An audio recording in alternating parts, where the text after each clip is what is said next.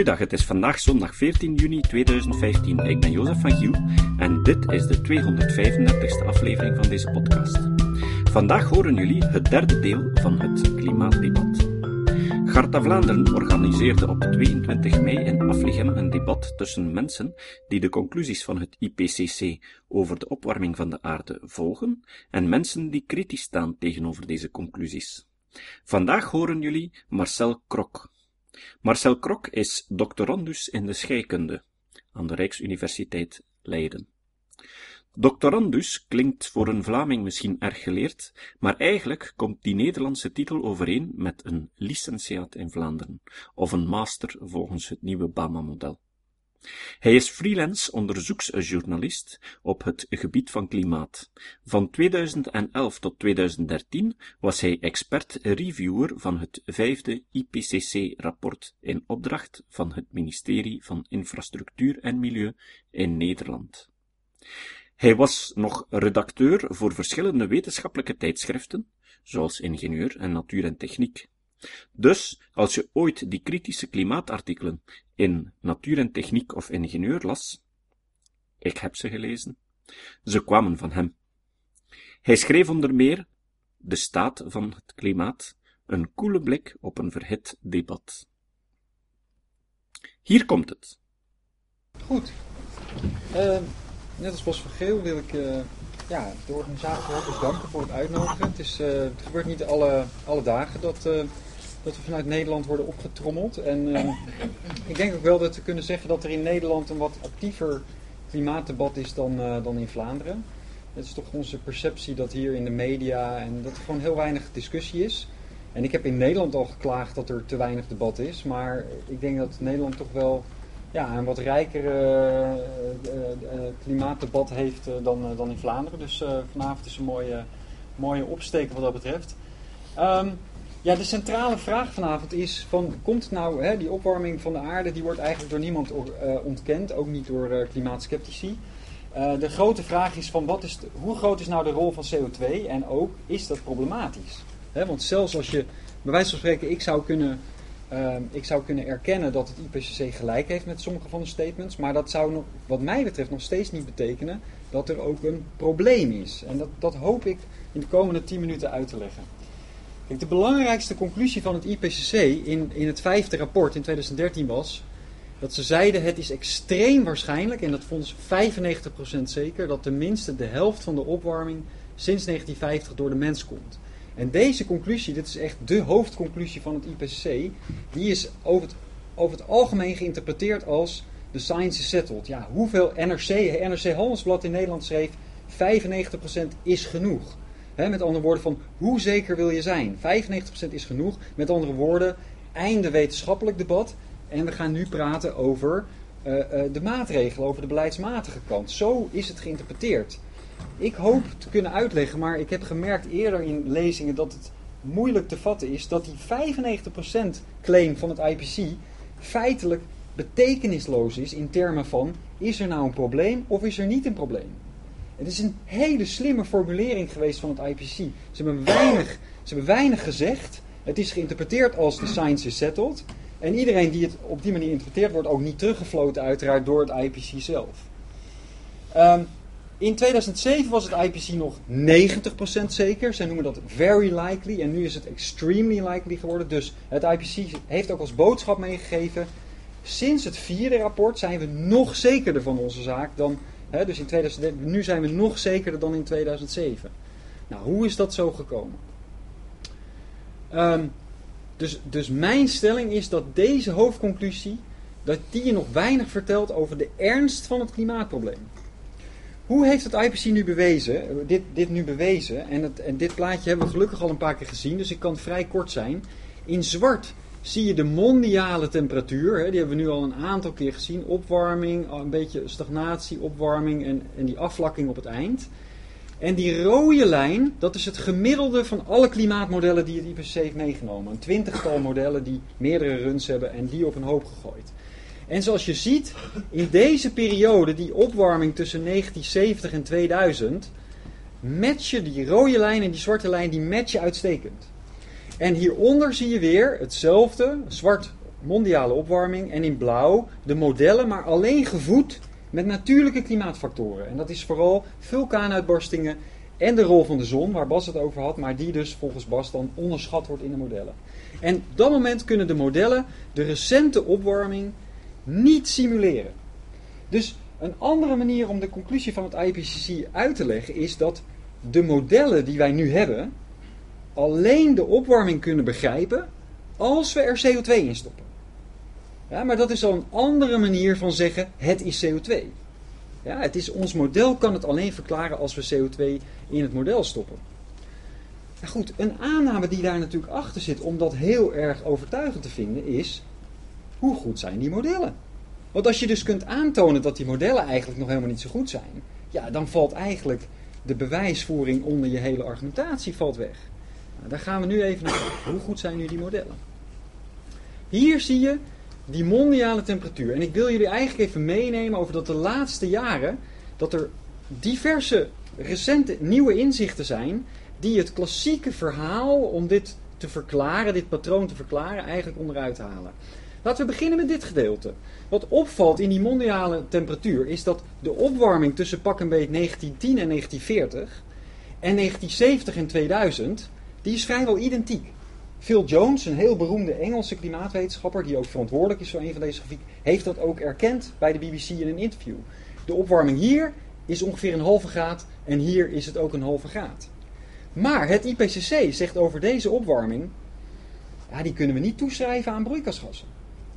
We weten ook nog niet zo heel erg goed waar, waar die, die opwarming komt. Het, is, het, zal, zal, het zal voornamelijk natuurlijk zijn. Het kan het gebrek aan vulkaanuitbarstingen zijn. Een stukje kan de zon zijn, toenemende activiteit van de zon. Uh, er kan een klein deeltje broeikasgassen in zitten. Maar uh, nog niet, de bulk van deze opwarming kan nog niet in de broeikasgassen zitten. En dat kunnen we zien als we gaan kijken naar de klimaatmodellen. Want hoe goed doen die klimaat, als we even teruggaan naar dit plaatje. Kijk, dit is ook een hele slimme, hele slimme layout, van hele slimme vormgeving van het IPC geweest. Want wat zie je hier in dit gebied? Hier zie je die 1910, 1940. Het lijkt net of modellen en waarnemingen daar ook heel erg goed doen. Want die gele lijn, die gele lijn, die, die omvat ook de, alle modelruns die gedaan zijn. En dan zie je dat de zwarte lijn in ieder geval in de gele balk valt. En dat geeft de illusie dat ook het model gemiddelde min of meer wel overeenkomt met de werkelijkheid. Nou, dan gaan we nu eventjes inzoomen. Hier zie je in blauw die opwarming, de, de waargenomen opwarming. En hier zie je in rood het model gemiddelde. Het model gemiddelde in die periode. En dan zie je hier de trend. De, de opwarming in het werkelijke klimaat was bijna 2 tiende graad per decennium. Maar in de modellen maar 0,05, 0,06. Een factor, factor 3 lager ongeveer. Ja, dus de modellen, de klimaatmodellen, waarmee in dit stukje eigenlijk de hele case wordt bewezen, het is CO2, die gaan hier al helemaal nat. Zoals wij in Nederland zeggen. Ik weet niet of dat ook een Vlaamse uitdrukking is. Dus dat is een belangrijke, een belangrijke uh, zwaktebod, zou je kunnen zeggen, van de modellen. Dan gaan we kijken naar de recente, naar de recente, naar de recente tijd. Hè. We hebben het al gehoord over dat er momenteel een stagnatie is. We lijken een beetje op een soort plateau te zitten sinds 2000. En daar kan je inderdaad, zoals Dirk ook heeft gedaan, en wat nu ook gebeurt in de wetenschappelijke literatuur, er wordt een hele boom over opgezet. Zijn het vulkanen? Zijn het de oceanen? Is het de zon? Weet je, er zijn wel 10, 20 hypotheses die nu de ronde doen. Daar zijn we nog niet uit. Maar waar we wel over uit zijn, is dat het gemiddelde van de modellen volgt deze lijn. En de oppervlaktetemperatuur, dat is de groene, surface. En de troposfeer, dat is de blauwe. Die zitten werkelijk nou. Er, zijn, er is nog een enkele modelrun die nog lager uitkomt. Maar de bulk, het zijn 100 hier, 90, 90 modelruns. Het, het, vrijwel alle modelruns zitten erboven. Dus de modellen in de. En wat belangrijk is om te realiseren, die modelbouwers die weten al wat er in de 20ste eeuw uit moet komen. Ja, dus hun modellen worden ook deels getuned op de mondiale temperatuur. Dat is ook toegegeven door meerdere modelgroepen. Want als, als hun modellen dat al niet goed doen, ja, dan heeft niemand er toch vertrouwen in. Maar deze periode, de recente periode, laten we zeggen vanaf 2000, dat begint een soort van voorspelling te worden. Want die periode was nog niet bekend bij de modelbouwers. Ja, dus daar, en dus, dus du moment dat er een voorspelling optreedt, gaan de modellen ook daar meteen weer nat. En dat geeft weinig vertrouwen in hoe goed die modellen op dit moment al zijn. Terug naar dit plaatje. Ehm, stel nou, de, en dat heb ik samen met de Britse onderzoeker Nick Lewis, die veel gepubliceerd heeft over het begrip klimaatgevoeligheid. Klimaatgevoeligheid is een sleutelbegrip in de discussie over klimaatverandering. En die bepaalt hoe gevoelig, het woord zegt het al, hoe gevoelig is nou dat klimaat voor de broeikasgassen. Als het klimaat heel gevoelig is, krijg je veel opwarming bij CO2-toename. Als het klimaat weinig gevoelig is, weinig temperatuurtoename. Nou, wat Lewis en anderen de laatste jaren gedaan hebben, en dit is echt recente literatuur, dus van de laatste vijf jaar, is laten we nou eens deze hele periode, 1850 tot nu, die opwarming, laten we die nou eens toeschrijven aan de factoren waarvan het IPCC zegt dat ze belangrijk zijn. En het IPCC zegt voor deze periode eigenlijk voor bijna 100% dat de broeikasgassen de enige verklaring kunnen zijn. Dus wat we doen is, we schrijven alle opwarming, vrijwel alle opwarming in deze hele periode, dus niet vanaf 1950, maar de hele periode, schrijven we toe aan CO2. Wat komt daar nu uit voor klimaatgevoeligheid? En de uitkomsten die zijn werkelijk spectaculair. Uh, oh, dat gaat niet goed. Zeer spectaculair. Hoe krijg ik dit terug? Technisch. Ah, Oké. Ehm, de uitkomsten zijn werkelijk zeer spectaculair en dat zal ik zo direct laten zien bij de volgende slide. Namelijk wat je hier ziet is dat je, je neemt dan, wat je doet is je neemt de periode aan het begin en je vergelijkt die met de periode aan het eind. Dus je neemt, op, je neemt de temperatuur begin, temperatuur eind en dat, en, dat, en, dat, en dat koppel je aan de toename van de broeikasgassen en het klimaateffect, het opwarmende effect wat dat zou moeten hebben. Nou, die recente studies die komen uit op beste schattingen, de, de, piek van deze periode. Het zijn verschillende startperiodes en verschillende eindperiodes. Maar de piek zit ongeveer rond 1,5. En nu moeten we. Dus dat en betekent, klimaatgevoeligheid is gedefinieerd als stel nou dat we de CO2-concentratie in de atmosfeer verdubbelen. Hoeveel opwarming krijg je dan? Dus dit zegt, je krijgt anderhalve graad opwarming als de CO2-concentratie verdubbelt. Nou, voor jullie informatie, sinds de start van de industriële revolutie zaten we op 280 ppm. Uh, Dirk die heeft dat net ook uitgelegd. We zijn nu op 400. We zitten dus nu 40% daarboven. In het huidige tempo gaan we later deze eeuw gaan we verdubbelen. Dus dan hebben we sinds pre-industrieel tot later deze eeuw hebben we die verdubbeling. En deze schattingen die gebaseerd zijn dus op het waargenomen klimaat en onze beste kennis, de beste kennis van het IPC zelf, die suggereren dus dat geeft anderhalve graad opwarming. Maar dat denkt u nou, oké, dat is allemaal prima. Maar het IPCC hanteert al 25 jaar, eigenlijk vanaf dat ze begonnen, het hele klimaatgemeenschap hanteert een range. Want klimaatgevoeligheid is een lastig begrip wat moeilijk te schatten is. En de range die zij hanteren, die loopt al 25 jaar van 1,5 graad tot 4,5 graad. Dus die zeggen van, het, het IPCC zegt eigenlijk al 25 jaar, het ligt ergens tussen 1,5 en 4,5 graad. En meestal was de beste schatting 3 graden. En dat kan je hier, laten, kan je hier uh, zien. Dit is dus dit is degene die ik net liet zien, piek bij anderhalf. Dit is een beetje het klassieke beeld uit de klimaatwetenschap van de laatste 25 jaar. Het begint zo'n beetje bij die anderhalf graad. De beste schatting zit bij 3. En dan kunnen we hoge waarden voor de klimaatgevoeligheid, fat tails, hè, mensen die uit de economie komen, die krijgen dan meteen uh, angstzweet. Fat tails, dat, dat, dat neigt naar beurscrashes en dat soort dingen. Fat tails kunnen we niet uitsluiten. Nou, dit beeld, dit klassieke beeld, uh, dat is de laatste jaren door dit onderzoek aan de hand van het waargenomen klimaat uh, flink op de, op de helling gezet. En u moet bedenken dat deze schattingen voornamelijk gebaseerd waren op, haha, daar komt die, klimaatmodellen. De klimaatmodellen, de huidige generatie klimaatmodellen van, van het IPC, dus de, de, de, de, voor het vijfde rapport gebruikt, hebben een gemiddelde klimaatgevoeligheid van 3,4. Dus die zitten, het gemiddelde van de klimaatmodellen zit hier. Maar het waargenomen klimaat, het werkelijke klimaat buiten, sinds 1850 suggereert dat we hier zitten, aan de ondergrens van de range. Nou, voor mijn gevoel begint dus nu de puzzelstukjes beginnen op elkaar te, uh, bij elkaar te komen. Um, hier gaat het mis. De modellen gaan hier door. Hier vindt de stagnatie plaats. Um, deze periode doen de, de, doen de klimaatmodellen goed. Maar hoe komt dat? Ze hebben hier een opwarming. De, de modellen warmen daar op door de broeikasgassen. Maar als je alleen broeikasgassen erin zou stoppen, zouden ze ook daar te veel opwarmen. Hier worden de, de modellen worden hier gedempt door aerosolen. Aerosolen is luchtverontreiniging. En die luchtverontreiniging die reflecteert zonlicht.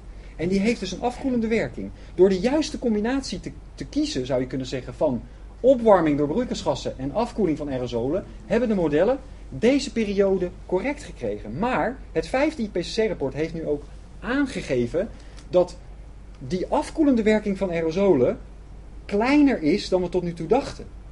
Dus wat er hier gebeurt is dat de klimaatmodellen doen deze periode weliswaar goed, maar om de verkeerde reden. Ze overschatten het effect van CO2 en ze overschatten het effect van de aerosolen.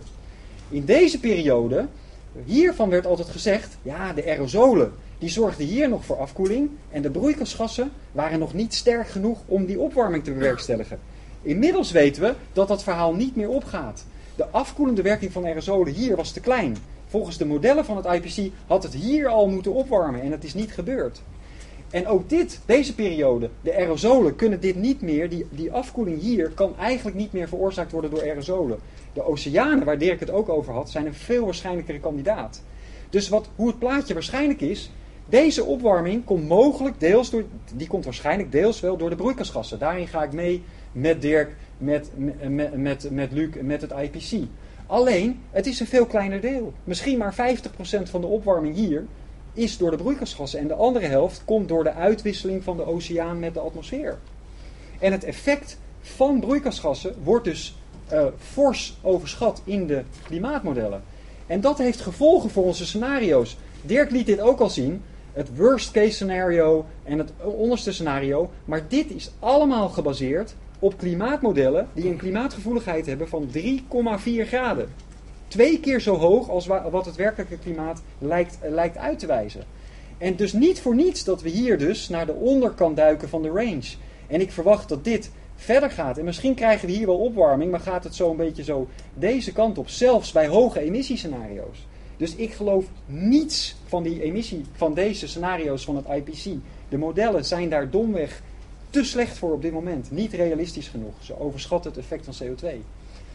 Dan wil ik nog één, dat is mijn, dat is mijn ene belangrijke, andere, het tweede belangrijke argument, uh, en ik hou het kort, uh, voorzitter, is waarom ik denk dat het, het effect van, van het, of het klimaatprobleem overschat wordt, is dat, um, en dit is een tweede belangrijke inzicht van de laatste jaren, het IPCC heeft in 2011 een rapport geschreven over extreem weer, over weerextremen. Denk dan aan de, de grote rampen, de orkanen, de orkanen uh, uh, de overstromingen, droogtes, bosbranden. En het IPCC heeft alle wetenschap netjes op een rijtje gezet en ook erkend, toegegeven dat, dat, we nog geen, dat er nog geen waarneembare trends zijn. Dus als je kijkt naar Amerika bijvoorbeeld, orkaanactiviteit over de afgelopen eeuw, die goed gedocumenteerd is, dan zie je ja, periodes met veel, orkaan, veel orkanen, periodes met weinig orkanen. Maar over de hele periode genomen zie je geen trends. Met andere woorden, de opwarming die we hebben gehad in de 20e eeuw, de CO2-toename die we hebben gehad, heeft niet geleid tot verandering in overstromingen, orkanen, droogte, bosbranden. Nou, hoe vaak horen we het IPCC dat van de daken schreeuwen? Ze hebben het dus wel in een rapport geschreven. Ze hebben het in het vijfde IPCC-rapport herhaald. Maar hoe vaak horen wij Jean-Pascal van Ipercelen, die straks de voorzitter wil worden van het IPC, hoe vaak horen we hem in de media dat verkondigen? En het is cruciale informatie, ook voor beleid. Want de suggestie die nu vaak wordt gewekt is dat als we CO2 reduceren, dan kunnen we rampen voorkomen. Maar dat is dus onzin. Als de CO2-toename geen toename in dit soort extremen heeft veroorzaakt, dan kan CO2-reductie ook geen afname in dit soort rampen veroorzaken. Als jij de mensen in Haiyan, die door de, die door de tyfoon daar getroffen zijn, de doden, de gewonden, de huizen die vernietigd zijn, als wij die willen helpen, dan zullen we hen dus moeten helpen met betere huizen bouwen, betere infrastructuur, betere early warning system, met andere adaptatie. Ja? Mitigatie, CO2-reductie gaat, gaat, ons daar, gaat hen daarbij niet helpen. Dus lage klimaatgevoeligheid, geen trends in extreem weer en weinig opwarming die we de komende eeuw kunnen verwachten, brengen mij tot de slotconclusie dat het klimaatprobleem een op dit moment nog steeds een klein probleem is. En dat er geen noodzaak is om paniekvoetbal te spelen. En dat we dus tijd hebben om onze afhankelijkheid van fossiele brandstoffen te kunnen afbouwen. Dank u wel.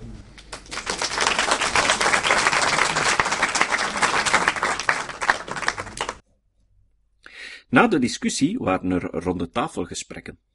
En daar heb ik aan Dirk Verscheuren gevraagd hoe dat zit met die gevoeligheid waarvan Marcel Krok beweert dat ze drie keer kleiner is dan wat er in de modellen gestoken wordt. Hij antwoordde mij dat het onjuist is.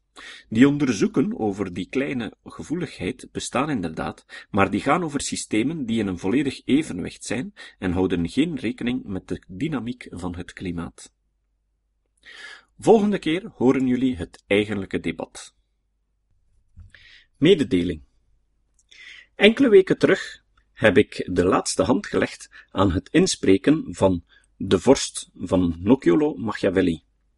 Je kan dus dit historische boek nu in het Nederlands beluisteren via de website LibriVox. LibriVox is een crowdsourcing website dat gratis en legaal luisterboeken ter beschikking stelt van boeken waarop geen copyright meer staat. Nu zijn er enkele Nederlandstalige vrijwilligers van LibriVox die het toneelstuk Naaktmodel aan het inspreken zijn. Maar ze missen nog enkele stemmen, zowel mannen- als vrouwenstemmen. Daarom roep ik jullie op om hen te helpen. Op de notitiepagina van deze aflevering vinden jullie een link naar de plaats op LibriVox waar je je kan aanmelden om te helpen voor dit toneelstuk. Ikzelf heb ook een stem ingesproken. Het kostte mij maar twintig minuutjes. Het citaat. Het citaat van vandaag komt van Ronald Coase. Ronald Coase was een Britse econoom en emeritus hoogleraar economie aan de Universiteit van Chicago. Hij staat vooral bekend omwille van zijn introductie van het begrip transactiekost, waarmee hij verklaart waarom de maatschappij uit businessbedrijven bestaat en niet enkel uit allemaal onafhankelijke zelfstandigen die met elkaar zaken doen. Volgens Coors heeft elke individuele overeenkomst een transactiekost. Door werknemers in te huren kan je deze kost vermijden bij productie van goederen. Coors zei, als je de gegevens maar lang genoeg martelt, zullen ze toegeven. Tot de volgende keer. Deze podcast is het resultaat van het werk van veel mensen. Rick de Laat verbetert bijna al mijn teksten en maakt de meeste vertalingen. Emiel Dingemans verzorgt onze website en Facebookpagina. Ook Leon Korteweg en Stefan Sutens schrijven, vertalen of verbeteren soms artikelen. Leon onderhoudt bovendien het YouTube-kanaal van deze podcast. De muziek van de intro en de trailer heeft Nick Lucassen geschreven en soms maken we ook gebruik van muziek van Ad van Nederpelt, die ons zijn prachtige composities ter beschikking stelt. Dit was de podcast Kritisch Denken. Vergeet niet om alles kritisch te behandelen, ook deze podcast. Voor verdere informatie over deze podcast, links en voor de tekst, surf naar www.kritischdenken.info. Als je deze podcast belangrijk vindt, kun je me steunen door anderen warm te maken ook eens te luisteren. Stuur een e-mail naar vrienden met een link naar de website en plaats de link in de handtekening van je e-mails. Tevens kun je op iTunes deze podcast een beoordeling geven of een recensie schrijven. Of je kan op je eigen website of blog een link naar kritisch denken plaatsen.